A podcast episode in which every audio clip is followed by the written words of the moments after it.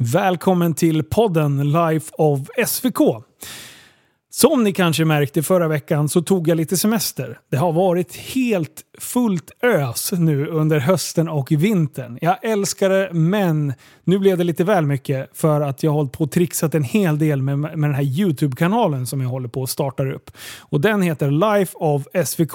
Så om ni är nyfikna på vad jag har pysslat med under den här veckan så kan ni glida in och titta på videon som jag släppte i måndags för en vecka sedan alltså. Yes, jag köpte ju en Nissan GTR här för ett par veckor sedan och eh, den har ju behövt lite kärlek och eh, jag har ju faktiskt eh, varit lite småsugen på att ut och sladda lite i snön också. Så det har gått en hel del tid till det. Men nu är jag tillbaka i studion och eh, idag så har jag faktiskt en gammal hockeykompis eh, på besök. Och eh, han är inte bara här som egenskap av min, eh, min gamla hockeypolare, utan han driver även en podd som heter The Witty Professional. Och eh, Det är en podd som är ganska nystartad. Jag tror att det här är tredje avsnittet eh, som han släpper tillsammans med mig. Då. Och... Eh, Eh, ni kan gå in och lyssna på det. Det är alltså hur man driver ett företag eh, men samtidigt har med sig humor som ett verktyg för att skapa en homogen arbetsgrupp eller helt enkelt gentemot kunderna. Så jag kommer gå igenom en hel del utifrån eh, min, mitt perspektiv som företagare. Då. Så när ni har lyssnat klart på den här podden så kan ni glida in och eh, lyssna på hans podd. Jag lägger en länk i beskrivningen så kan ni gå in och lyssna på det efteråt. Då. Men eh, ja, sätt er lugnt tillbaka för här kommer Nils Tebo.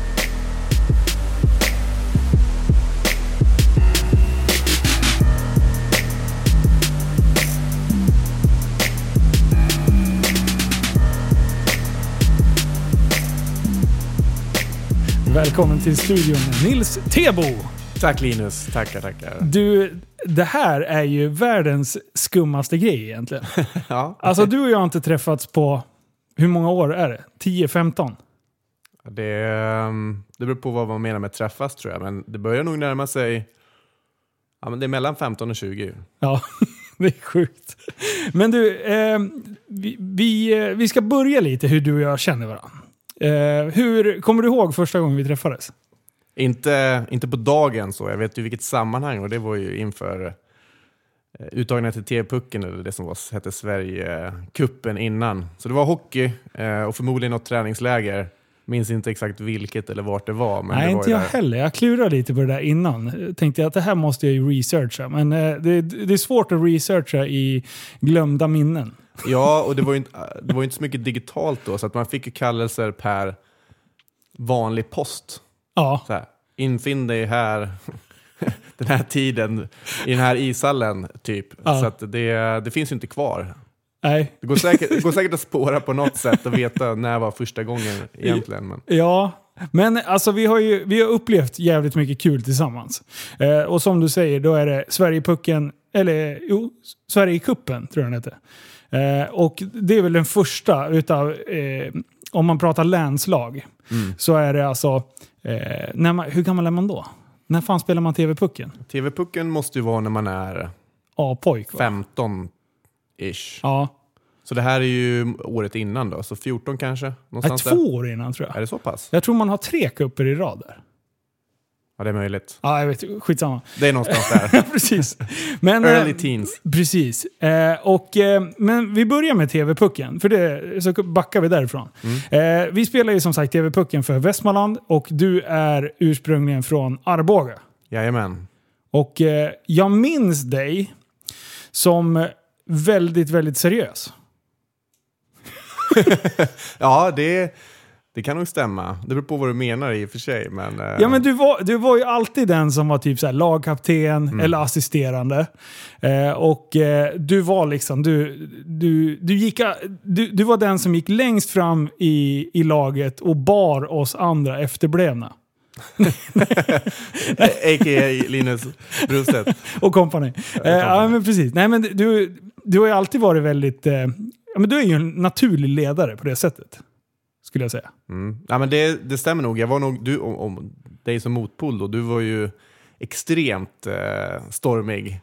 Är I det- det? Ja, det, det vill jag minnas. Så att där var vi kanske lite motpol. Jag är ganska, var ganska lugn, inte så, inte så spretig då, Nej. tror jag. Eh, och, ja, men lugn och ordentlig, lite så beskedlig. Eh, men ehm, det har ju också ändrats. Ja, jag, jag kollade igenom din Facebook för som sagt, det var ju några år sedan. Det var inte många seriösa bilder. Nej, men jag brukar väl eh, kalla mig själv för eh, oseriöst seriös.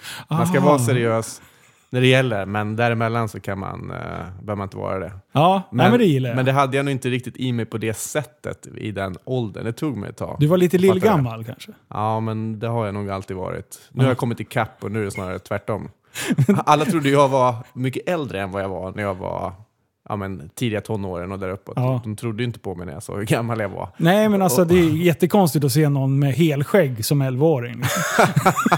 Jag tror inte riktigt jag var där, men kro- kroppsbehåringen kom definitivt tidigare än de flesta. Det vågar Ja. jag påstå.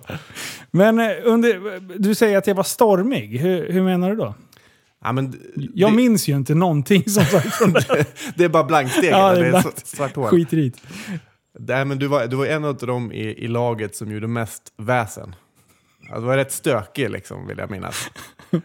Du, det här det, det känns inte bekant för dig. Jo, men jag har alltid varit klassens clown. Ja. Eh, så att, eh, jag älskar att få folk att skratta. Exakt. Och härja och göra saker som när man minst anar det. Mm. Då ska man göra det. Gärna typ, eh, ja verkligen så, här, så att folk bara oh no he didn't. Då är jag skitnöjd. Så jag kan tänka mig att det var, var en hel del sånt i länslaget också. Absolut. Du var eh, definitivt en av lagets eh, clowner. Och det, det, här, det finns några personer som jag har stött på i, i livet som, som man kommer ihåg på det sättet, som har det här, det bara gnister i ögonen. Och Det bara står bus tatuerat i pannan. Så den busiga blicken som bara har alltid något sattyg i bakfickan eller någonting annat. Ja. Det Som- sammanfattar dig, skulle jag vilja säga. Åtminstone i den åldern. Men så vi kan säga att eh, vi har gjort varsin resa. Vi har mötts vid samma slutmål. Men vi har gått väldigt olika vägar. Ja, men det, det är faktiskt en eh, intressant analys. Jag tror det ligger ganska mycket i den. Även om vi pysslar med eh, lite olika saker så finns det väldigt många punkter där det sammankopplar. Ja. Men vi ska, vi ska grotta oss ner mer i hockeyn. Eh, men vi, jag vill först lära känna dig lite bättre. Eh, du, du heter ju alltså Nils Tebo och eh, du tog kontakt med mig här nu i veckan och eh, det är för att du har startat en podd. Ja, det stämmer. Vad, berätta lite grann om den så ska vi grotta oss ner på djupet lite senare i, i podden. Men, Mm, och det blir väl en ganska bra segway från det vi just pratade om, här, vara, vara seriös eller inte seriös och att vi har mötts någonstans i, i vuxen ålder här. Så jag har väl länge varit nyfiken på, sen jag började jobba inom citationstecken, så här, på riktigt efter Ja. plugget och så. Att ja, nu har man ett seriöst jobb och det är också viktigt att ha kul på jobbet. Men vad innebär det egentligen? Mm. För många säger att man har kul på jobbet.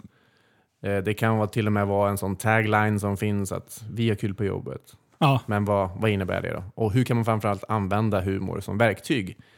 Oavsett vilket jobb man har, alltså oavsett vilken profession. Så det där har jag varit nyfiken på, för det har alltid varit viktigt för mig att inte vara någon annan på jobbet än vad man är privat. Åtminstone inte för stor, eh, stor distans däremellan ja. alltid en anpassning givetvis. Då. Så det vill jag grotta mer i. Och jag, jag, eh, vad säger forskningen om humor i de här situationerna? Eh, hur ser det ut i olika yrken? Och eh, det fanns inte så mycket om det, upplevde jag. Nej, Det finns, det finns några, ett par amerikaner som har så stora grejer, liksom, humor på, på jobbet och hur kan man använda det. Men det är väldigt sådär amerikanskt och de gör något seminarium och säljer det. Mm. Jag vill ju snarare åt personen bakom det hela. Mm. Eh, roliga anekdoter, you name it. Och börja grotta i olika yrkeskategorier och så här, vad, det, vad, det, vad det skulle det kunna innebära. Ja. Så den idén har jag haft länge eh, och eh, gillar poddar själv väldigt mycket. Ja. Var Hur- nyfiken på det. Hur- Har du varit gäst i några poddar? Eller är det liksom... Nej, det är ganska nytt. Alltså jag har släppt två avsnitt och spelat in ett till och sen så nu eh, Ja. det som komma skall. Så det är färskt. Ja, coolt ju. Ja, nej, men som sagt, jag, det, det märks ju att du, eh, att du tycker om att prata.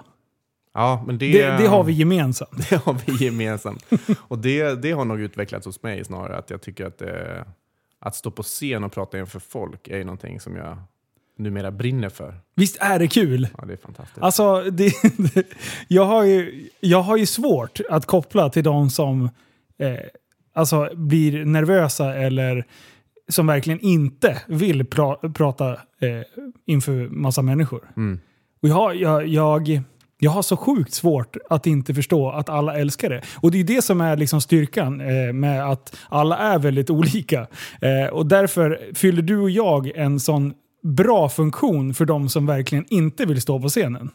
För när du har en sån här i ett gäng, som, vi säger att man har en grupp eh, och sen är det någon som ska sna- snacka. Liksom.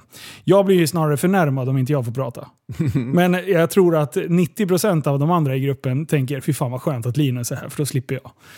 Ja, ja. Det är ju inte de vanligaste fobierna att Ja. stå och prata inför människor. Oavsett om det handlar om liksom fem eller fem tusen. Det är ju uppe där över dödsångest på listan liksom, i, i, i studier. Så det, det säger nog en, en hel del. Men har du alltid varit så? Alltså även, du var klassens clown sa du, och lagets clown, men har du alltid varit en sån som ger mig en publik så ställer jag mig och pratar i plugget eller vid sidan av plugget även i unga år? Alltså, det är kopplat lite till någon sorts eh, självkänsla, självklart. Eh, är jag i en grupp där jag inte känner mig trygg, då, då är det klart att det blir värre. Men jag tycker ändå att man, man har hanterat sådana situationer också. Ehm, jag vet att jag var och ehm, körde en... Jag har, oh, jag har en, ett exempel på när det gick åt skogen, men jag tror att det var bara jag som tyckte att det gick åt skogen. Ehm, jag blev nedkallad till ett... En sån här organisation, eller vad man ska säga, en, en- del av kommunen som får ut praktikanter på olika platser. Eh, som fångar upp eh, Ja, det finns ju massa olika Almi och eh, ja, Krami eller vad fan de heter. Eh, som, eh, ja i alla fall, jag skulle ner och föreläsa en kortis om eh, praktikplatser och hur man gör och hur det funkar och liksom vad syftet med praktikplatser. När jag kommer ner där, jag hade ju inte tänkt på att det var så mycket människor på plats.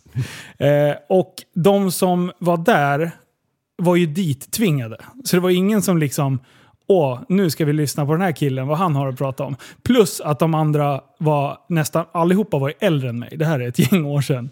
Så jag bara, aha, det här kan ju gå som hur som helst liksom.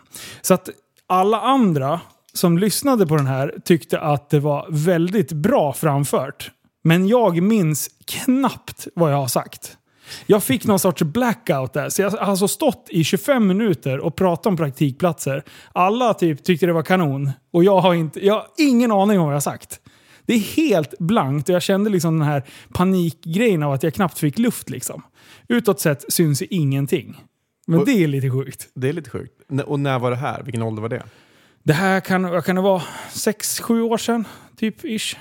Eh, så att det är ändå liksom i, det är ju vuxen ålder. Mm. Ja, ja, ja. Men eh, nej, det, det gick bra ändå till slut. Det är väl den enda gången som jag kände så här, okej nu tog jag mig vatten över huvudet lite. Men, eh, men som sagt, jag lyckades ändå där rädda hem det på något magiskt vänster. Så det, det var väl bra. Men prata bra inför folk och så. Jag läste ju en, en, utbildning på högskolan som hette alltså retorik. Mm. Och där lärde man sig massor. Sen är det lätt att lära sig och sen är det svårare att applicera det i verkligheten. Till exempel som att det säger ä, ä, ä i var tredje mening. Eller varje mening. Ja. Men du då? Har, har du alltid liksom känt dig trygg med att stå och prata framför folk? Mm, Nej, det skulle jag inte säga. Det, alltså, om man tänker tillbaka till här, mellanstadie, högstadie, gymnasiet så var jag nog den som, tog, som gjorde det. Men jag, jag skulle inte säga att jag var bekväm med det. Nej. Det, det kom nog senare. Uh, det var mer ett nervöst sammanhang än, än tvärtom. Sen någonstans på universitetet, då, då började jag gilla det på riktigt. Ja. Eh, och det var ju för sånt man gjorde vid sidan av plugget. Ja. Olika projekt, projektkommittéer och var på scen i olika sammanhang. Där någonstans så, så trillade det ner på riktigt. Mm. Och sen dess I never looked back. Nej, precis. Det är perfekt. Vad var det du pluggade för något? Pluggade i Uppsala eh, till civilingenjör i energisystem. Har inte jobbat någonting med energisystem sedan dess, utan det blev IT och managementkonsultbranschen istället. Men potato potato. Eh, Ja, och, samma eh, sak. Ja. Men, men Uppsala är en grym studentstad, så det, var, det var bra år. Ja, Spenderade ett år i Australien också på utbyte. Fy fan. Mm. Coolt. Men du, eh, om, om man eh, skruvar tillbaka till, eh, inte riktigt hela vägen tillbaka till 1984, men vi kan väl ta dig som barn. Eh, hur var du som, som barn? Har du alltid varit, har du alltid varit liksom seriös och organiserad? Jag var, jag var inte tappad som barn i alla fall. Nej. tror jag. Jajamän. Jajamän. Men eh, jag var nog eh, en, en blandning av att vara alltså, väldigt aktiv alltså med sport och idrott. Alltid varit det. Det var genomsyrar allting. Eh, men, men ändå ganska... Jag var ordentlig, jag var lugn. Alltså jag, var ingen, jag gjorde inte sattyg. I, eller, det är klart man gjorde sattyg när man var liten, det gjorde alla. Men Mm. inte på någon nivå som var någon slags Inom rimliga gränser. inom rimliga gränser. Mm. Det fanns ju andra som var betydligt stökigare i skolan. Så att, eh, jag, jag var alltid haft lätt i plugget för mig, Ja. vilket jag är supertacksam för. eh, men jag tog tillvara på det också utan att någon egentligen tvingade mig, utan det bara, det bara blev så. så att, de här killarna i klassen som var kaos, som man spelade hockey med, Ja. de hängde jag ju med hela tiden såklart. Men de var ju kaos i klassrummet också, men det var inte jag. Där var jag den lugna och skötsamma och så här, Ja. ordentliga. Eh, så det har väl alltid genomsyrat. När du säger att du sportade mycket när du var yngre, vad, vilka sporter pratar vi om då? Ja, men framförallt hockey. Eh, fotboll såklart också, men det slutade jag med någon gång där under högstadiet, kanske sjuan eller något sånt. Fick ni också, för jag vet att eh, hockeyn var inte jätte eh, av att vi spelade fotboll av någon anledning. Hade ni eh, samma pryl där? Att de, att de ville gärna att man skulle välja där vid 13-14 års ålder. Jag, jag tror inte vi hade sån press på oss. För mig var det snarare att jag tyckte att fotboll var så, så mycket tråkigare än hockey. Vad, Ja. vad exakt? Är det själva sporten eller var det professionalismen kring sporten? Det var nog eh, både och. Eh, Alltså än idag så har jag svårt att titta på fotboll. Det går Ja. för långsamt, det är ett gäng primadonnor som ligger och gråter och har ont på smalbenet varannan, varannan situation. och jag, Exakt får, så. jag får panik av det. Jag klarar inte av att titta på det. Om det inte är typ en stor match, en landskamp eller så, men då kan det vara kul. Ja. Men jag tror att eh, det var mycket springa, det gick ändå överlag långsamt. Liksom. Storplan, hockey passade mig mycket bättre och tyckte det var mycket, mycket roligare. Och det var det som jag var, jag var ju bättre på hockey än fotboll också. Okej. Så det, det är såklart att det, det underlättade. Så att jag valde hyggligt tidigt ändå, men det fanns ingenting som sa att jag inte kunde fortsätta med båda eh, ett par Nej, år till. okej. Alltså jag, jag, fick ju, jag fick ju fullständig damp på eh, fotbollen. För att regnade det, då kunde de ställa in en träning. Och jag bara, "Va- vad är problemet? Vi ska träna liksom. Jag blev ju arg. För fan, nu, vi ska ju träna idag. Då bara, äh, men det regnar. Jaha, och? Vadå, Ja. vi kommer ju spela matcher när det regnar också. Är du dum eller? Alltså jag hade, jag hade problem med min tränare då. Att eh, det var så jävla slappt. Jag Ja. älskar när en tränare är hård och man har tydliga regler. Då fungerar jag som bäst. Men just det, nej, ska vi göra så här istället? Fan, tyst. Så att, eh, ja, men jag var ju bättre i fotboll alltså. Eh, Jag stod i mål. Eh, och eh, och där, där var jag ju duktig. Men jag tror inte jag hade riktigt psyket för det. Och att vara liksom sista utposten där. Det var väldigt eh, hög press. Och jag hade jätteproblem under, även när vi spelade, att, med, med nervositet inför matcher och sånt där. där jag tror inte det märktes så mycket utåt, men jag var väldigt så här... Eh, Ja, men det är självkänslan som sviktar. Oftast. Jag har alltid haft väldigt bra självförtroende. Jag vet egentligen vad jag kan. Men sen kan ju självkänslan bara tvärdippa. Och man känner sig som eh, världens minsta, klenaste, sämsta hockeyspelare när man ska gå in på plan. Men sen räcker det bara två, tre byten och sen är man ju liksom inne i det igen. Så. Ja, ja. Och- det kan jag verkligen känna igen. Jag jag hade exakt samma sak. Att alltid haft bra självförtroende och har nog utåt framstått som, ja, men som du sa, som en, som en ledare eller som någon som är lugn och, och, och säker. Mm. Vilket jag i någon mån var, självförtroendemässigt. Men jag hade inte riktigt psyket på den nivå som jag skulle vilja haft genom vad man kan kalla hockeykarriären. Och, även då när vi spelade i TV-pucken och så. Mm. Det var ju nervöst, det var ju var jobbigt ibland. Ja. utan, utan snack. Så det kan jag verkligen eh, stämpla in på. Mm. För det där, är, det där är ju... Jag blir ju lite förvånad att du säger att du hade den. För i, du var ju väldigt viktig, viktig för laget, liksom, att du var den här trygga utåt sett. Så att, eh, det, det är ju spännande hur man, hur man kan uppfatta en människa men man vet inte alls vad som försiggår eh, innanför. Liksom. Nej men verkligen. Och det är samma sak om man, om man går vidare till hockeygymnasiet i Leksand. Eh, Det var ju en helt fantastisk tid. Flyttade hemifrån tidigt när man var 16 och eh, tre år med, med plugg och, och hockey. Där var jag också lagkapten i, i, i flera omgångar, vilket föll sig naturligt på något sätt. Och man växte ju in i det, men även under den tiden så fanns det ju en, en inbyggd osäkerhet någonstans där inne. Mm. Mm, Och, och eh, jag har pratat mycket om det här med en, eh, en, en bekant som jobbar mycket med teameffektivitet och eh, även en del personlig coachning inom Mm. idrott. Och, som är en gammal officerare. Ja, Han cool. är alltså, virtuos på att, på att läsa sönder sånt här och, och, och få team eller personer framåt. Mm. Så vi har snackat en del om det. Alltså, det görs för lite av de, den typen av träning i, i idrott och framförallt i, i hockey. Och det kommer mer och mer, men det är inte alls på den nivå som skulle behövas. Om jag hade de verktygen då, som jag har idag, som jag har fått genom jobbet till exempel, Mm.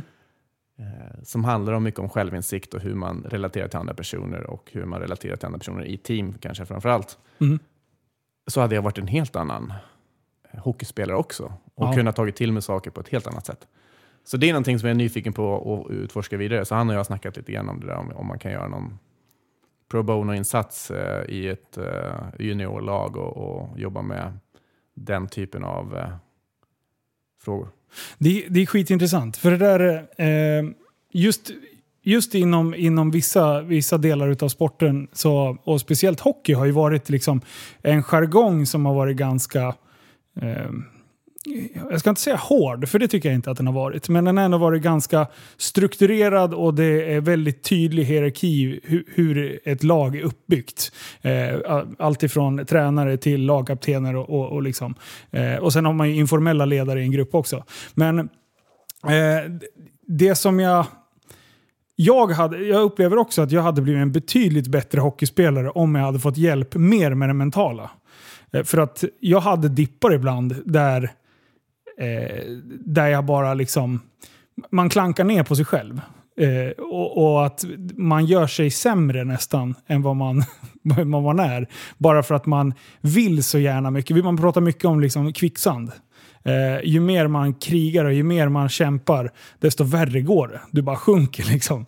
Eh, så att, eh, att bryta en sån där trend, att lära sig att göra det. Jag är bättre på det idag än vad jag var självklart då, vid den åldern. Men eh, ja, men sen... Ja, det, det är svårt som fan att, att komma åt det. Som sagt, man, jag tror att man är på god väg med att man liksom pratar om det på ett helt annat sätt än vad vi kanske gjorde. Mm. Ja, men jag tror också det är på väg åt rätt håll, men jag tror att det går på tok för långsamt. För den typen av kompetens finns inte på det djupet som, som behövs bland eh, elittränare eh, i, i, eh, i hockey. Ja. När du börjar komma upp i någon slags nivå. Jag tror inte det. För om, om jag ska överdriva lite. Eh, om man tittar liksom på den totala mängden, om du tar ett lag, eh, så är det ju en del som är intresserade av hur en människa fungerar. Mm. Eh, men de jag kan säga att de är underrepresenterade. För de flesta, de är liksom eh, en generell, alltså om jag ska generalisera en hockeyspelare, då är det liksom man, eh, man eh, käkar lite vad man tycker och man eh, funderar inte så mycket på livets kluriga frågor utan man är mer koncentrerad på vad man har för slipradie eller vad, hur man ska tejpa klubban. Liksom för att, och sen ha stenkoll på all statistik och grejer. Vet du. Och, och en annan, jag har alltid varit en sån här som bubblar lite om... Um, jag vill ju förstå saker. Jag vill ju prata om annat än bara hockey. Men man kände sig, ibland kände man sig väldigt, väldigt ensam i omklädningsrummet. För det var väldigt mycket fokus på bara liksom eh, antingen material eller statistik eller eh, sådär. Ja. Kan du uppleva samma sak?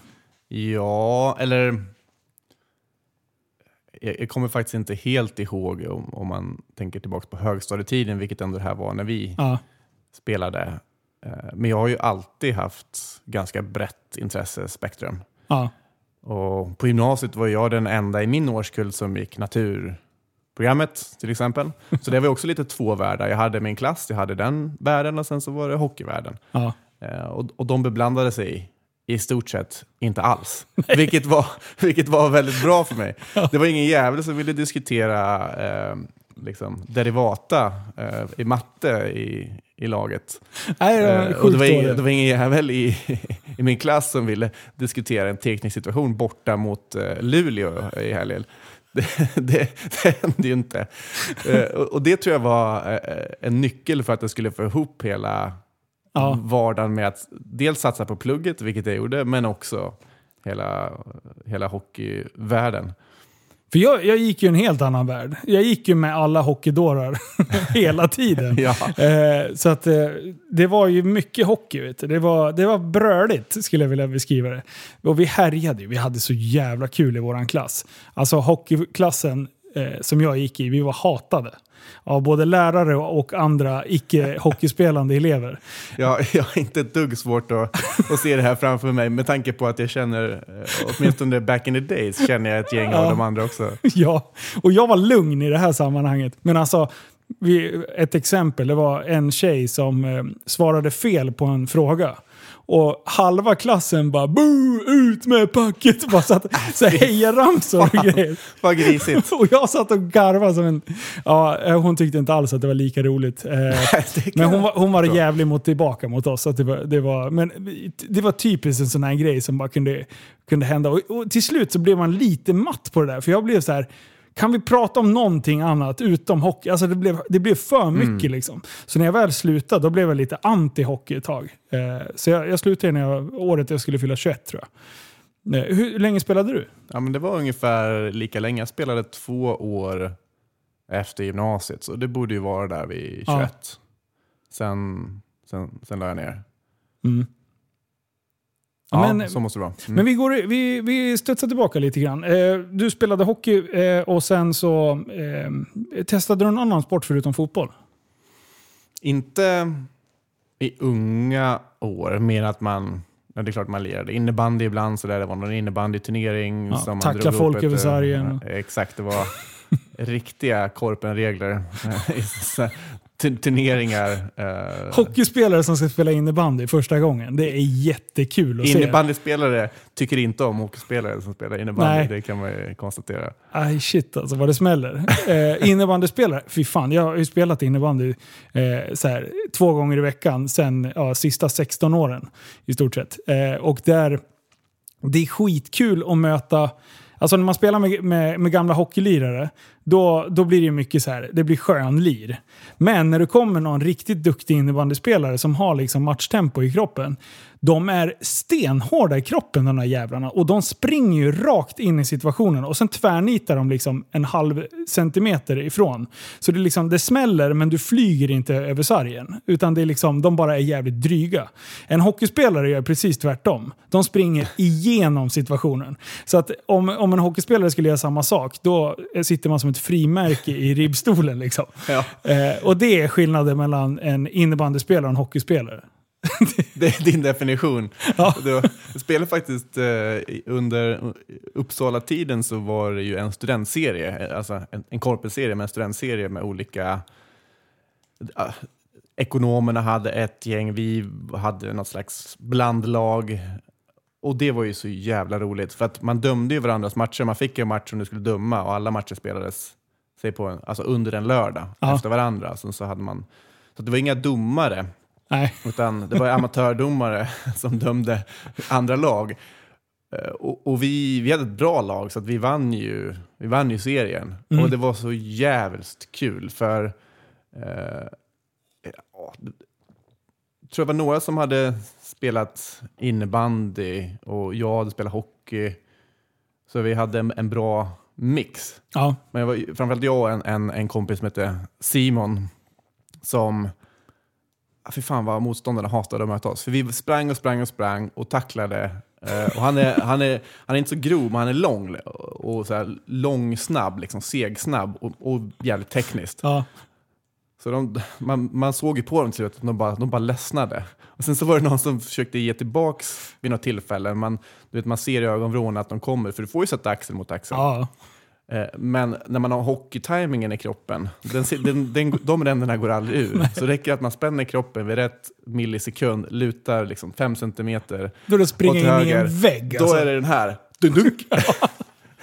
In i en vägg, ner liksom 90 grader på golvet och så, så förstår de inte vad som hände. Nej. Eh, Och det, sånt har jag gjort för att de satsade och jag har fått frislag. Ja. Och det finns ingen bättre känsla än att sätta Nej, in en, en, en offensiv eller en, en, en tackling som när någon annan förväntar sig ett helt annat resultat. Ja. Nej, men det, det är offensiva tacklingar, det gör inte innebandyspelare. De, det, det finns inte i deras liksom, regelbok tror jag. Eh, så att de åker, jag upplever alltid det där också. Man ser dem i ögonvrån och sen så bara ja, men böjer lite på knäna, spänner i kroppen och så trycker man till lite grann. Bam! Så, bara, sitter det, eh, så tappar de luften och sen gråter de ut och vill ha frispark. Och, tänkte jag frispark nu, då. frislag och grejer. Eh, men eh, om vi börjar, när började du med hockeyn då? Det måste vara vid sexårsåldern. Ja, det är skridskoskola och- Ja, exakt. Alltså Ja. sex, sju där någonstans gissar jag. Så det, och det ligger ju i familjen. Det var ju farsan spelat, brorsan spelade, så att det var ju bara Ja. naturligt på något vis.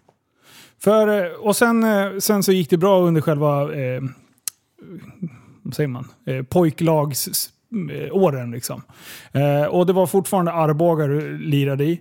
Eh, och sen så kommer vi till eh, när Sverigepucken, vad är det, 12-13 där, ish. Eh, Sverigecupen. Jag kommer fan inte ihåg vad det Ja, heter. Jag vet, Sverigepucken eller Sverigecupen, jag kommer faktiskt inte ihåg. Men det är Ja, nå- något något av dem. det. Det heter nog någonting annat idag dock. Ja, och där som sagt, nu är vi tillbaka där vi började. Det var ju där vi träffades första gången. Och du blev lite förvånad där, för jag berättade ju att jag började ju spela hockey när jag var 11. Ja, det, vilket lät ju helt barockt men, och imponerande. För alltså det är, ja, jag tror jag hade spelat en och en halv säsong eh, när vi då åkte upp till Sundsvall va? Mm, där gick turneringen. Ja. Eh, och då hade vi kört Eller lite läger och kanske det var till och med. Ja, det, kan, ja, det var det nog förresten. Ja. Eh, och eh, eh, hur, hur var jag då som... Alltså, var jag, var jag bra? Ja, alltså om någon hade frågat mig då, så här, satt, satt micken i ansiktet på mig, hur länge tror du Linus har spelat hockey?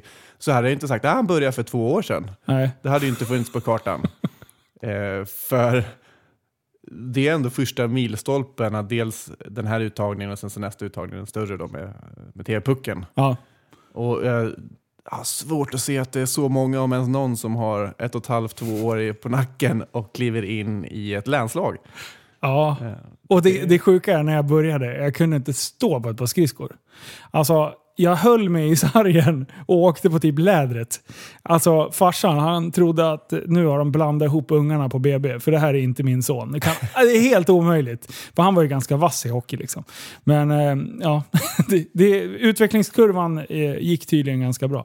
Vi, jag spelade ju VOC då. Vi hade en målvakt som var skitbra och sen var det jag som kunde åka skridskor typ. Eh, så jag gjorde alla mål och han räddade allting. Så, så, eh, så Rickard Stenström, visst var han med i, i länslaget eh, det året va? Kom- nej, det kanske han inte var. inte nej, det var Wikmålisen som kom Jag känner inte igen namnet. Nej, nej. Men du, eh, den turneringen då. det, jag, jag, det, jag kommer ihåg två grejer från det, eller tre. För det var nog i Timrå som du säger. Eh, nummer ett, vi bodde i någon så här... Det var några gamla höghus som skulle rivas. Så de var helt tomma. Ja. Eh, och där liksom fick vi ett par lägenheter, så det var ju helt tomt. Liksom. Eh, och vi, vi hade, det var jävligt rolig turnering alltså. Det, det härjet som vi hade där på kvällarna. Vi hade ju en kille som hette Kim Hettola. Kommer du ihåg när han var rädd för spöken? Ja, jag, hade, jag hade helt glömt bort det här, men fick en sån förnimmelse när du nämnde det här innan. Och du då, som den dåre du var, när du får en sån, när du liksom får blodvittringen där, så finns det inget stopp. Så du härjade ju på bra. Ja, han var livrädd. Ja. Han ville åka hem till slut. Nej, men han, jag vet inte. Han, Ja, han sa väl att han var rädd för mörkret eller någonting och då, då spårade det där ur. Och till slut då, då hade jag skrämt upp honom att det var ju spöken som skulle komma och jag, vet, jag vet fortfarande än idag om han, om han trollade mig tillbaka eller om han var verkligen rädd på riktigt. Det, det låter jag vara osagt. Eh, sen kommer jag ihåg, om jag säger Matfors, vad tänker du på då?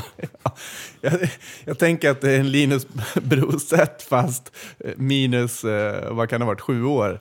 En, Ja, en, en liten eh, tomte till kille som var son till eh, vår volontärlagvärdare. Det fanns ju lagvärdare som på något sätt skulle Som var liksom från Timrå då, som, som ja, skulle exakt, som, var lokal, som, som, som gav oss information och hjälpte till med diverse saker. Och den här eh, killen, jag kommer inte ens ihåg vad han heter, men de kom Nej, ju nej. från Matfors som ligger i krokarna där.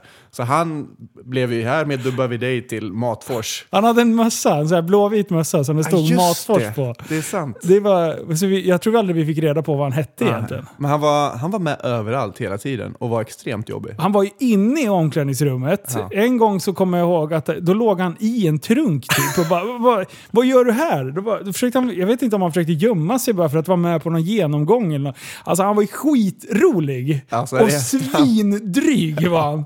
Alltså alla hatade Matfors. Han var våran lilla maskot typ. Han blev verkligen en maskot. Och när man till slut tror jag ändå lyckades omfamna honom för vad Matfors var för varelse, så blev det ju rätt roligt. Men i början så var det så här, vad är det som händer? Varje gång jag ser Matfors, eh, det är inte ofta man ser det namnet, jag har gjort det någon gång. Jag tror att någon lyssnare eller någonting som, som bor i Matfors som jag skickar kläder till, då började jag fnissa lite och tänkte på honom och då bara undra vad han gör idag. Kan, en shoutout om det är någon som vet vem det här Vem var lagvärd till Västmanlands länslag i Sverigepucken Åh, det är så bra. i Timrå? Ja, fy fan. äh, det var, jag kommer inte ihåg hur det gick för oss. Jag tror inte det gick så jättebra va? Den turneringen gick det inte jättebra. Det gick ganska bra i TV-pucken. Vi hade ju ett, vi hade ett bra lag, men jag, jag vill minnas i TV-pucken att vi, vi har typ ett mål ifrån att gå till slutspelet. Ja, Det var någon så här helt absurd eh, otur hade vi. Mm. Det, och det är alltså det är sista, ja det är när man är typ 15-ish. Kommer du ihåg uttagningen inför det? För det, jag, när jag tänker tillbaka på det så tycker jag att det var lite onödig terror. När det här skulle, eh, när det här skulle mm, delges. Liksom. Kommer Nej. du ihåg hur, de- hur de gjorde? Jag kommer faktiskt inte ihåg processen. Och jag tror att jag bland, för jag, var, jag spelade TV-pucken året innan också med Ja, just det. 83orna. Så att det var ju liksom flera parallella grejer som... Ja. Så att jag, jag blandade Du, var, ihop. du, var- Jag Du hade ju jag- spelat med ihåg. 83orna, du var ju solklar. Du var ju liksom färdig. Men för oss andra, eh, som inte var kapten eller? Nej, jag skojar. Nej, jag, jag minns faktiskt inte. Jag, överhuvudtaget inser jag hur det gick till. Kenneth skulle ringa till oss. Eller så här. Vi skulle hålla oss vid telefonen sista den här, om vi säger att det var en torsdag eller fredag eller någonting. Just. Och så skulle de ringa till de fyra som inte skulle få komma med. Så fick du ingen samtal så var du med. Ah. Och den där, jag kan säga att det var nog Just den det. mest plågsamma väntan. Eh, och, och jag visste ju inte så här när, när klockan började bli 10-11. Ja, men jag klarar mig nu. Man visste inte riktigt när, när kan jag jubla liksom. Så man satt ju fram till tolvslaget och bara Yes! Jag kom med! Alltså det var den mest utdragna eh, leverans av besked jag har varit med om. Ja, det, där, det, det blir backning på den processen. Alltså. Du, det kan jag verkligen säga. Ring runt till alla istället så vet man det. Det hade varit bättre. Ja, verkligen. alltså det, ja, men så, så jag blev jävligt glad att det kom med i alla fall till, eh, till den. Och, och eh, vi, vad heter det, själva turneringen gick i Flen. Ja, det stämmer. Ja. Ja. Exakt. Och det var ju, vi hade ju som sagt, du, du nämnde att vi hade ett ganska bra lag. Och här innan, precis vi startade igång, så, så började jag fundera på om det var någon som liksom gick hela vägen utav vårt lag. Och vi kom fram till att det kan inte ha varit jättemånga. Nej, och det beror på hur man definierar hela vägen. Men någon som blev eh, SHL då? ja, exakt, fra- gränsen där. framgångsrik och kunna försörja sig på det och med det till. Ja. eh, så, så är det En del har ju varit utomlands och grejer. De Ja. har vi lite halvdålig koll på. Men, Exakt. men, eh, men Dragan, vi hade ju en, en kille som heter Dragan Umusevic. Han, eh, han har ju gjort några i alla fall SHL-matcher och, och har fladdrat runt lite. Nu är han i Tyskland, läste jag precis innan vi startade. Ja, han hänger, han hänger kvar. Ja, Han, han var ju eh, en supertalang redan då, men var jävligt lat. ja. Det var uppenbart. Låg och fiskade och, och ville ha pucken. Men när han satte det humöret till så kunde han göra hur mycket poäng som helst. Han kunde styra och ställa lite. Bara, Ja, tog visst. han pucken och ville... Gjorde du han irriterad? Ja. Eh, då, det var ju nästan som man ville skjuta han lite i ryggen på uppvärmningen så han skulle bli arg. Ja. Eh, för då visste man, nu vinner vi, Dragan är på hugget. Men han, eh, han var ingen... eh, Han var inte med året innan och, och eh, spelade TV-pucken och han var inte direkt träningsvillig. Sen någonstans, han kom in på, han, han spelade i Södertälje på, på hockeyn där, så, och där hände ju någonting. När han, Ja. när han väl kom iväg någonstans. Då, Och det är även där, om man, om man liksom ser att alla människor är ju, är ju väldigt olika och man drivs och blir motiverad av olika saker. Så man kan väl hoppas och tro att han fick ett litet wake-up call där i Södertälje. För hade han, hade han, med den talangen han hade från unga år, hade man fått honom taggad eh, alltså några år tidigare så tror jag att hans... Det hade ju varit galet. Ja, ja, absolut. Och det var ju var inte en, en dag för tidigt. För den här klassikern mellan talang och arbetsinsats. Du Ja. kan ha talang men du kommer i alla fall ingenstans om du inte lägger manken till. Nej, precis. Motivation slår oftast klass. Klyscha som funkar. Jajamän! Jajamän. Men du, eh, TV-pucken gick okej. Jag kommer ihåg att jag hängde en balja. Eh, en backhand kommer jag till och med ihåg. Och det är den enda backhand-målet jag har gjort tror jag i hela min karriär. ja, ja, högerkrysset var mitt eh, go-to. Varje gång jag var fri, då var det högerkrysset. Sänka höger axel, eh, vänta tills målvakten sänker plocken och sen petar man upp den bara. Men du hade ett ganska bra skott vill jag minnas. Du, du var back också. Ja, Båda, båda backar var vi. Så det, man fick ju inte en uppsjö av lägen heller.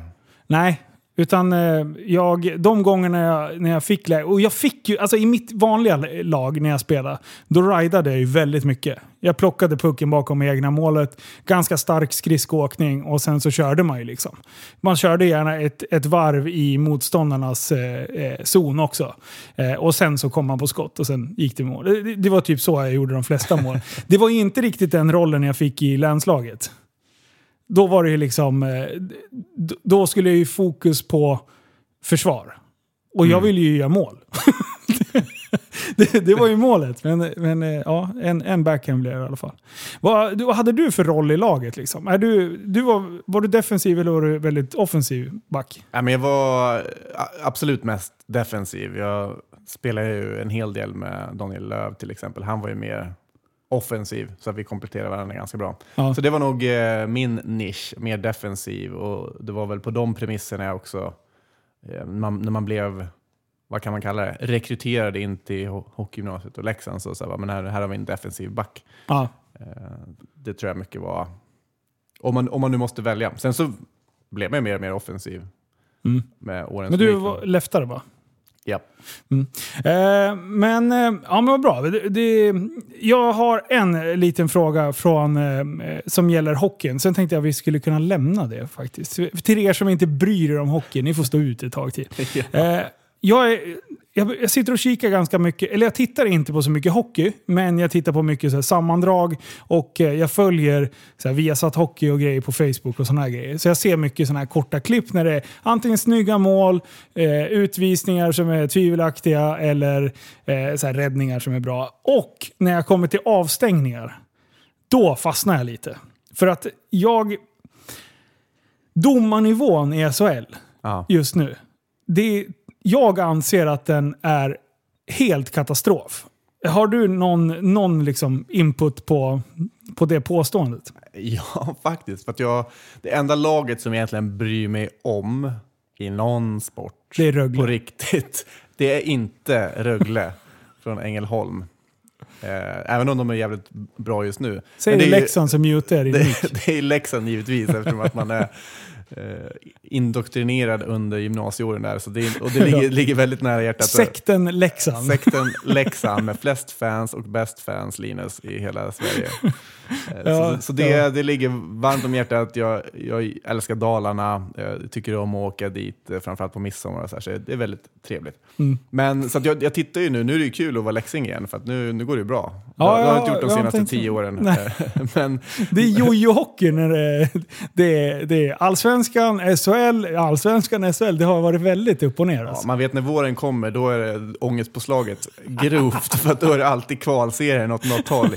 Eh, Men nu känns de lite mer planterade i SHL, tack och lov. Ja, efter, faktiskt. efter den här säsongen. Men de hör ju hemma där. ja, det De ska ju hänga kvar. Det, det är ju liksom en av de, som du säger, mest, eh, mest och bäst publik. Det, jag tror inte att det är någon som egentligen kan säga emot där. För att drar man fulla hallar oavsett vart man än är i Sverige så, så det är ju magiskt. Liksom. Ja, ja. Men det finns ju statistik på hur mycket mer pengar andra lag tjänar när Leksand är i SHL. Ja. Man, de, till och med vissa lag har lagt olika budgetar baserat på om Leksand är i SHL eller inte, vilket är, är lite- sjukt. vilket är lite sjukt. Då. Men, men tillbaks till frågan, Ja. så, ja, jag, så, så den här säsongen har jag sett nästan alla Leksands matcher faktiskt. Mm.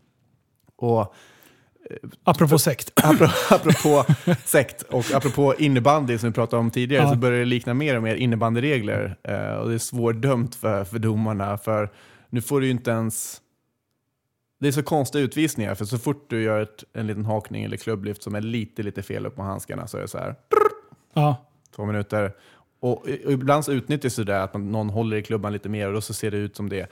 Så att det blir mycket lättare att gamea systemet, alltså Ja. utnyttja systemet. Och det finns ju några som alltid gör det, det blir på något sätt naturligt. Så den delen är så här, men eh, vart ska det sluta då? Ska vi, får man inte slå alls på klubban längre? Eh, Mm. Och sen tar man det i jämförelse med bortdömda mål. Leksand fick ett bortdömt mål i, härom, häromdagen. Ja. Vilket är så här, jag, jag förstår inte varför. Det är väl någon regel som säger det. Men han är alltså utanför målgården. Eh, och när målet kommer och målvakten går ut lite längre och liksom typ rör med, han, Ja. med, med plockhandsken på spelaren. Så de får Men han- kontakt, men det är... Ja, men han, medvetet så gör han ju ingenting mot målvakten. Han, han har ju ryggen mot liksom. ja. Bara, no goal.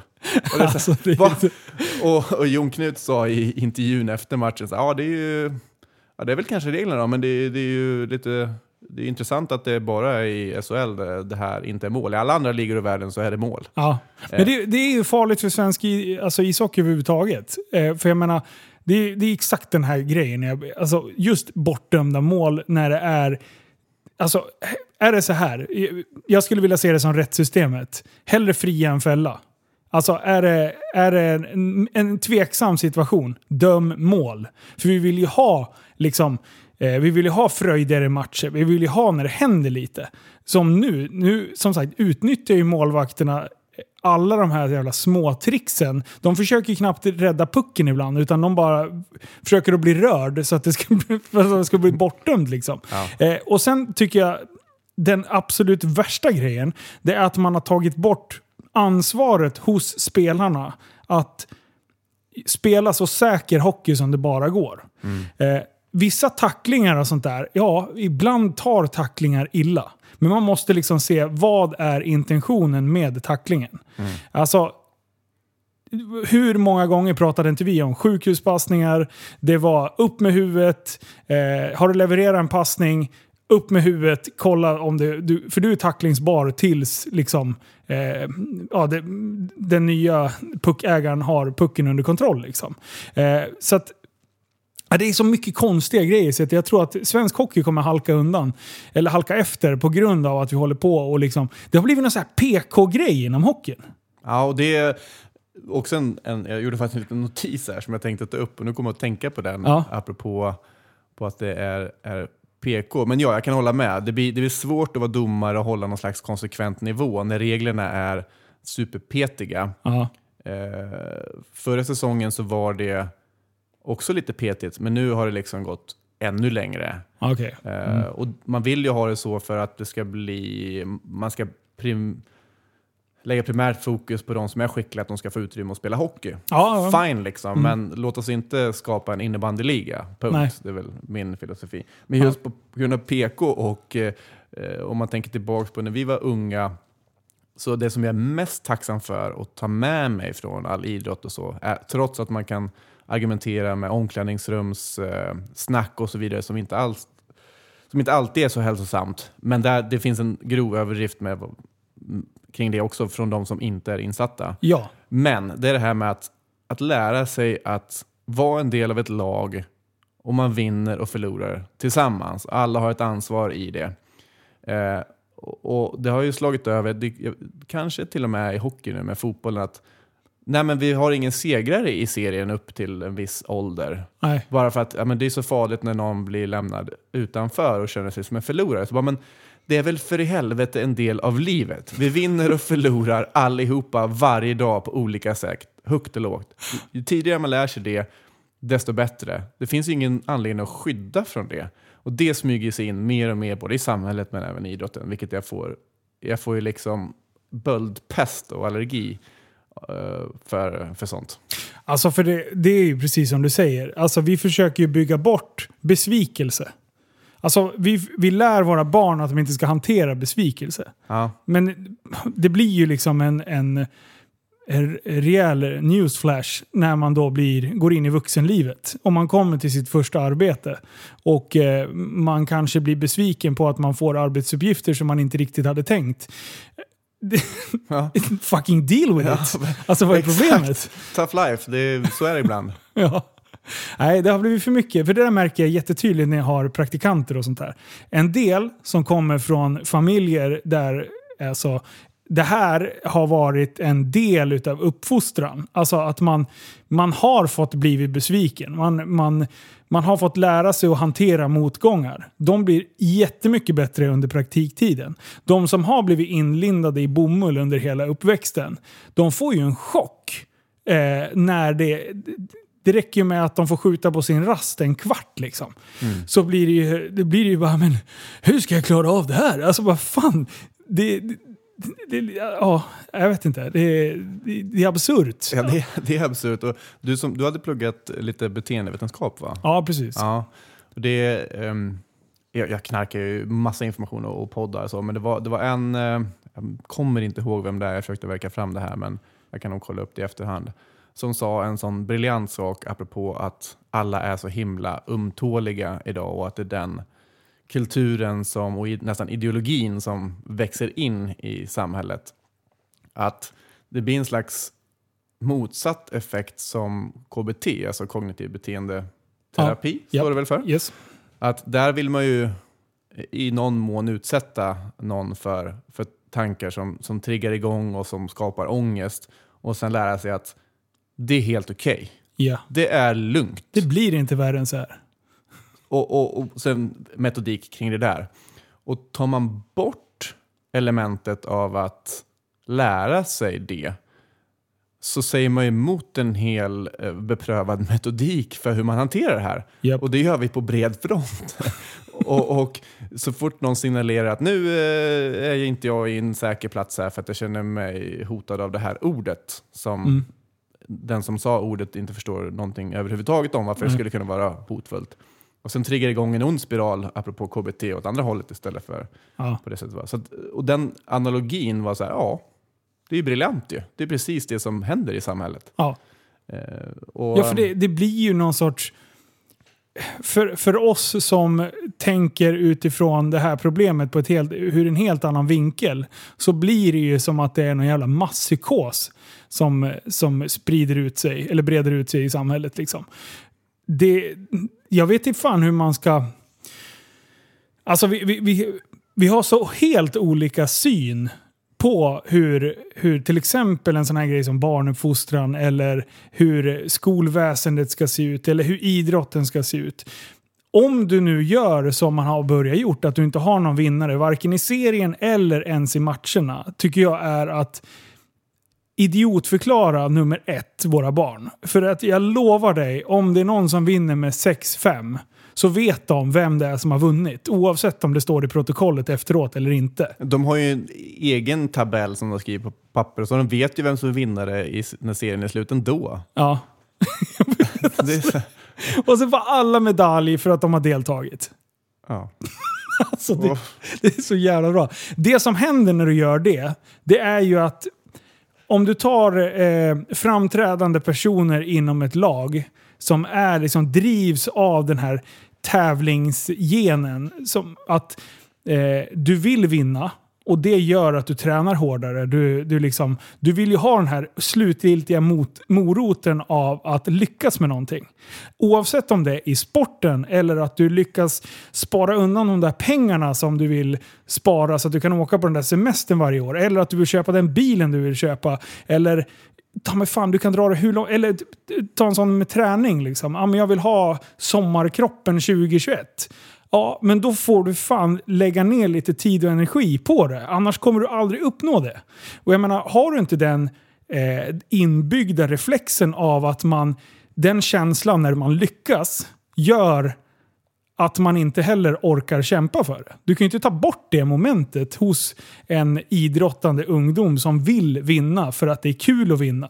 Och så bara, nej men du får inte vinna nu för att... Alltså det, jag vet inte, du plockar ju bort en hel... Eh, de som springer längst fram och eh, har den motivationen, de, de tappar hela sitt Ja. syfte. Liksom. Och, och jag menar, syftet är ju att boosta dem, men samtidigt fånga upp dem som just i det skedet av, av sin utveckling inte har det i sig. För Precis. alla är på helt olika plan, framförallt under den, den tiden i puberteten. Ja. Saker och ting händer ju, det är en hormonell cocktail och, och alla utvecklas helt olika. Det gäller ju att lära sig att fånga upp det snarare än att stävja och kväva. Ja. Eh, och jag, jag har ett sånt starkt minne från, från eh, en tränare under mina yngre år i, i Arboga. Ja. Eh, och han var grym. Var, han, han tränade 83orna. Eh, ganska, du nämnde tidigare liksom bestämda, tydliga ledare och tränare. Ja. Uh, he didn't fuck around, utan det var, det var raka och tydliga eh, besked, men på, som jag tycker, då, ett bra sätt. Det var väldigt bra för mig i alla fall. Mm. Och en träning så var han så less på att det var vissa som åkte runt och de passade aldrig. De var duktigare än andra Ja. eh, vid det laget. Och tog pucken och åkte och snurrade. Mm. Och så, så körde vi eh, som två mål. Vi körde simulerat då, simulerad match för den som inte Ja. vet vad två mål det, det lingot innebär. Och jag får så positiva känslor när jag bara hör två mål. Då blir man så här glad. så nu är det action. Slutet av träningspasset dags för två mål. Liksom. Yes! Eh, Och då han bara blåser av träningen, det högsta du kan blåsa på pipan. Och bara, du ser nästan på honom hur han kokar. Och så tog han ner alla i hörnet Mm. Eh, på planen. Och så ställer han frågan. Är det någon här som, som skjuter bra, som har ett hårt skott? Patrik Månsson, du, ja, kom fram här. Eh, har vi någon som är snabb? Ja, Fredrik, kom här. Eh, eller nej, förlåt. Han tog fram någon som... Ge mig någon som är snabb, sa han. Ja. Och så tog han Fredrik. Så stod han själv där, så åk, sa han. Mm. Vadå åk? Åk! Längs långsidan.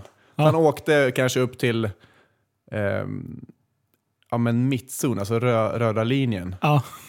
Och sen drog han på en, en, ett halvslagsskott längs isen, i, liksom längs med långsargen i rundelen. Ja. Så att den bara rutsch, ra- rasslade runt, och, runt bortre målet och sen tillbaks. Ja.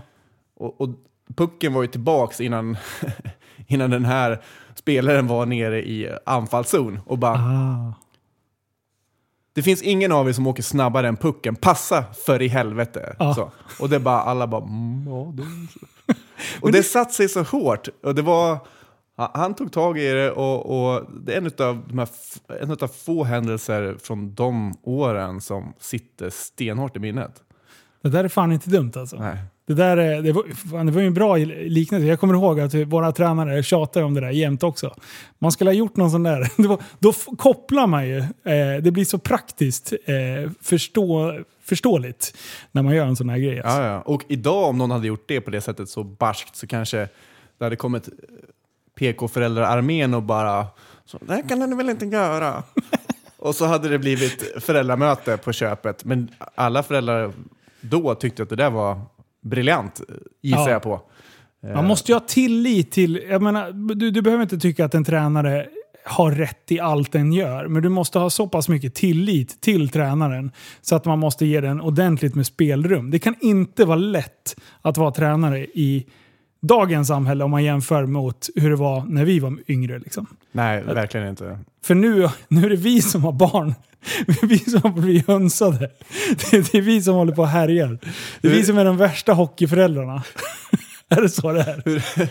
Jag försökte skylla på någon annan och sen är det vi som är bovarna. Jag, jag är ju själv inte förälder, så, så hur, hur, är du, hur skulle du vara som idrottsförälder, Linus? Du, jag är hårt men rättvist. Det är, det är liksom... Eh, jag uppfostrar mina barn på det sättet. Man, alltså, nummer ett, du ska ha tråkigt. Alltså när du har tråkigt, det är då du frigör som mest eh, fantasi. Alltså så att du kan använda eh, din kreativitet till någonting. Inte bara hela tiden ha massa jävla telefoner i näven eller iPad som alla, alla håller på med. Du, du, om jag, typ som i butiken. Alla barn som sitter i barnvakt, barnvagn sitter med någon sorts jävla padda eller telefon idag. De kan inte ens liksom gå i butiken utan att bli matade med någonting. De kan inte ens ha tråkigt under tiden du är i en butik. Och det där är ju någonting som jag bara så här, nej aldrig. Ni ska, så att, men jag har aldrig haft det problemet att de har blivit liksom fästa vid, vid någon, eh, någon liksom elektronisk pryl på det sättet. Och sen nästa grej är att lära sig hantera motgångar.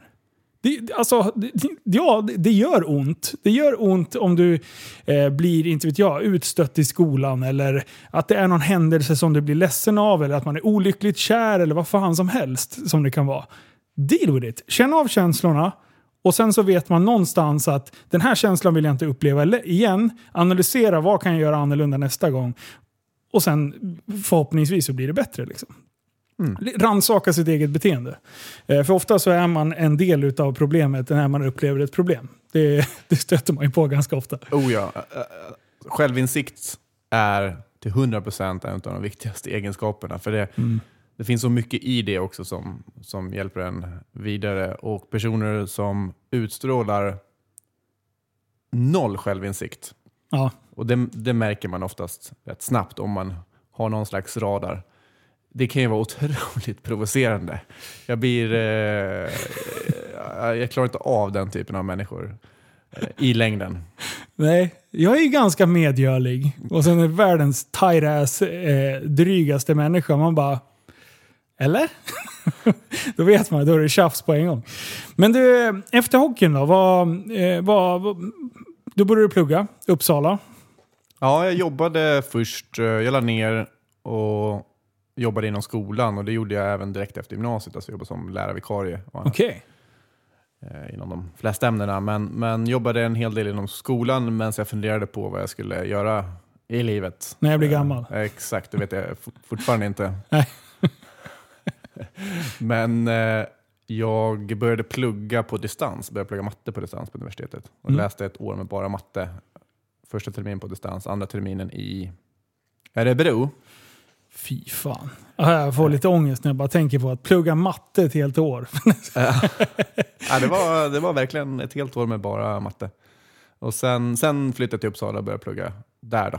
Behövde du plugga upp matten eller var det bara... Nej, det var bara, jag misstänkte att matte kommer ingå i det jag kommer plugga sen oavsett vad Så det var ren blir. sadism? Exakt.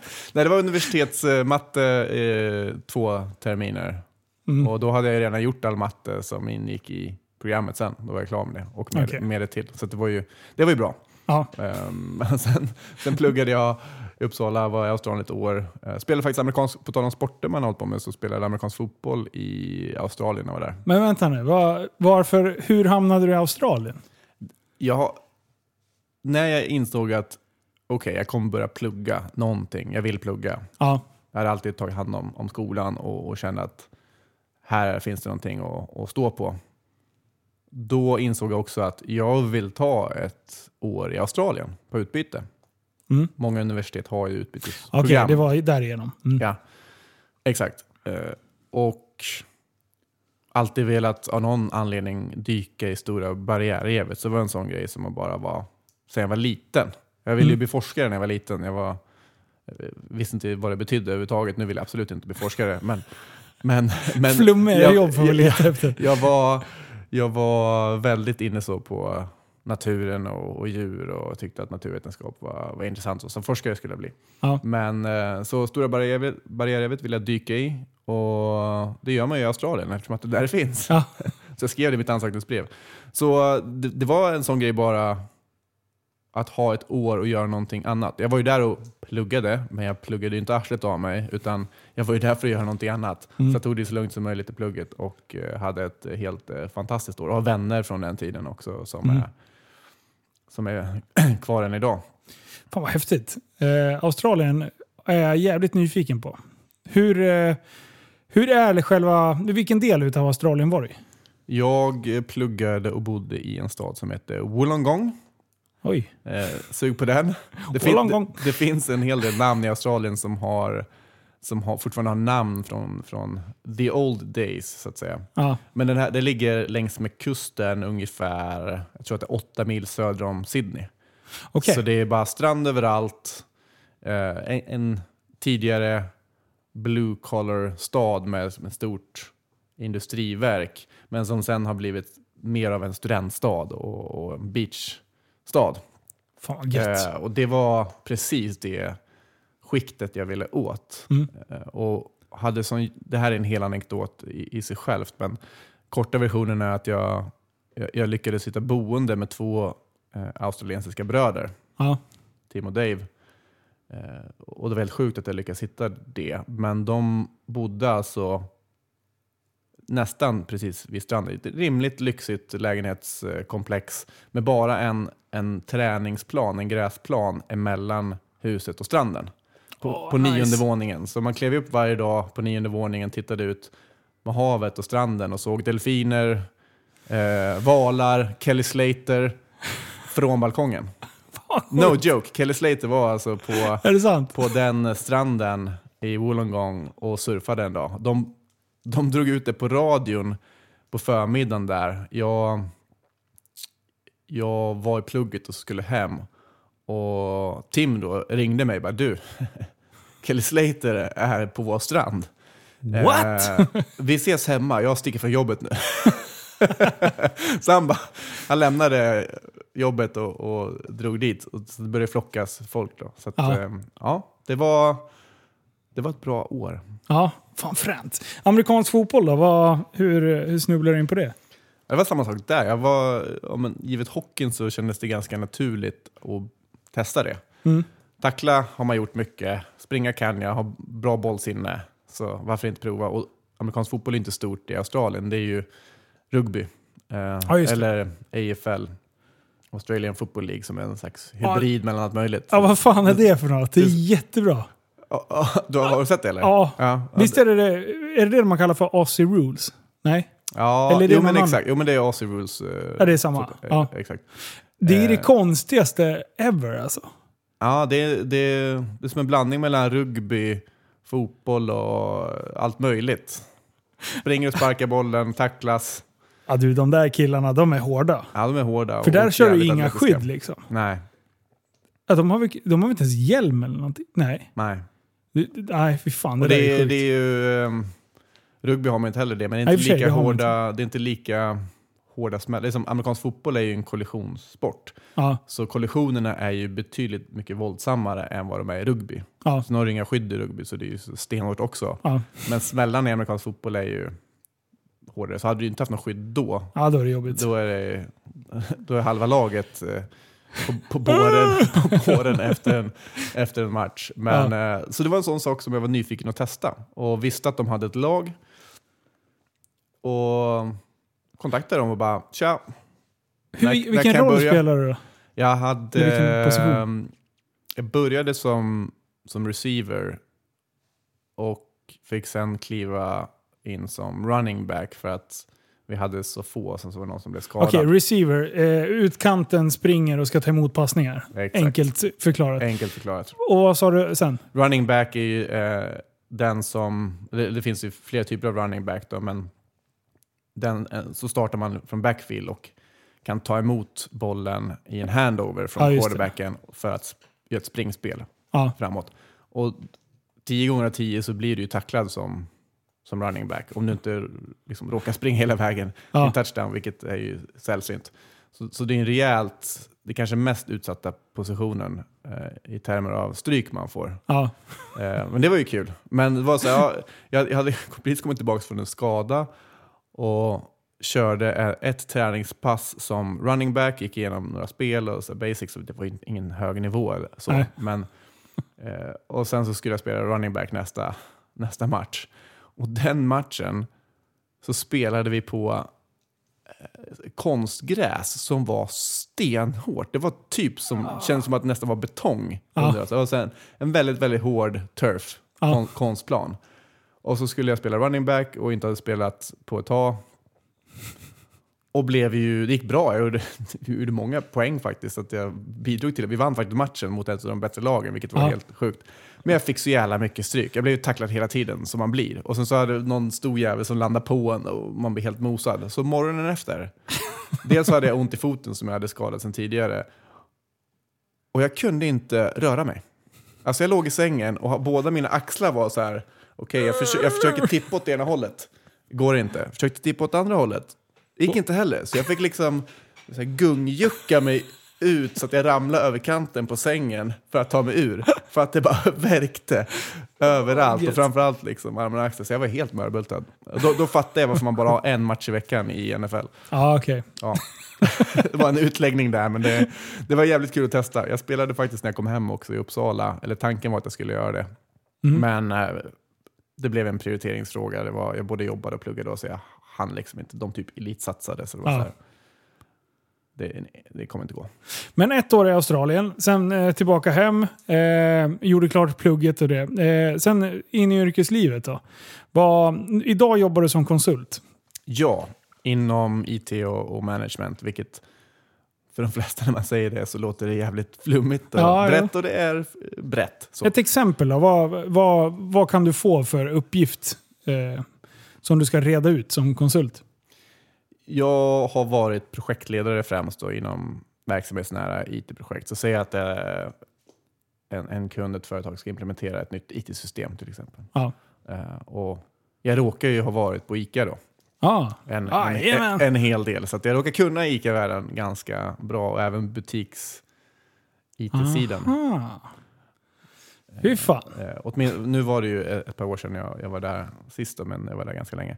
Så då kan det vara att, ehm, att, att projektleda eh, ett nytt system som ska implementeras. Eller ta fram en roadmap eh, för hur man ska göra saker framåt.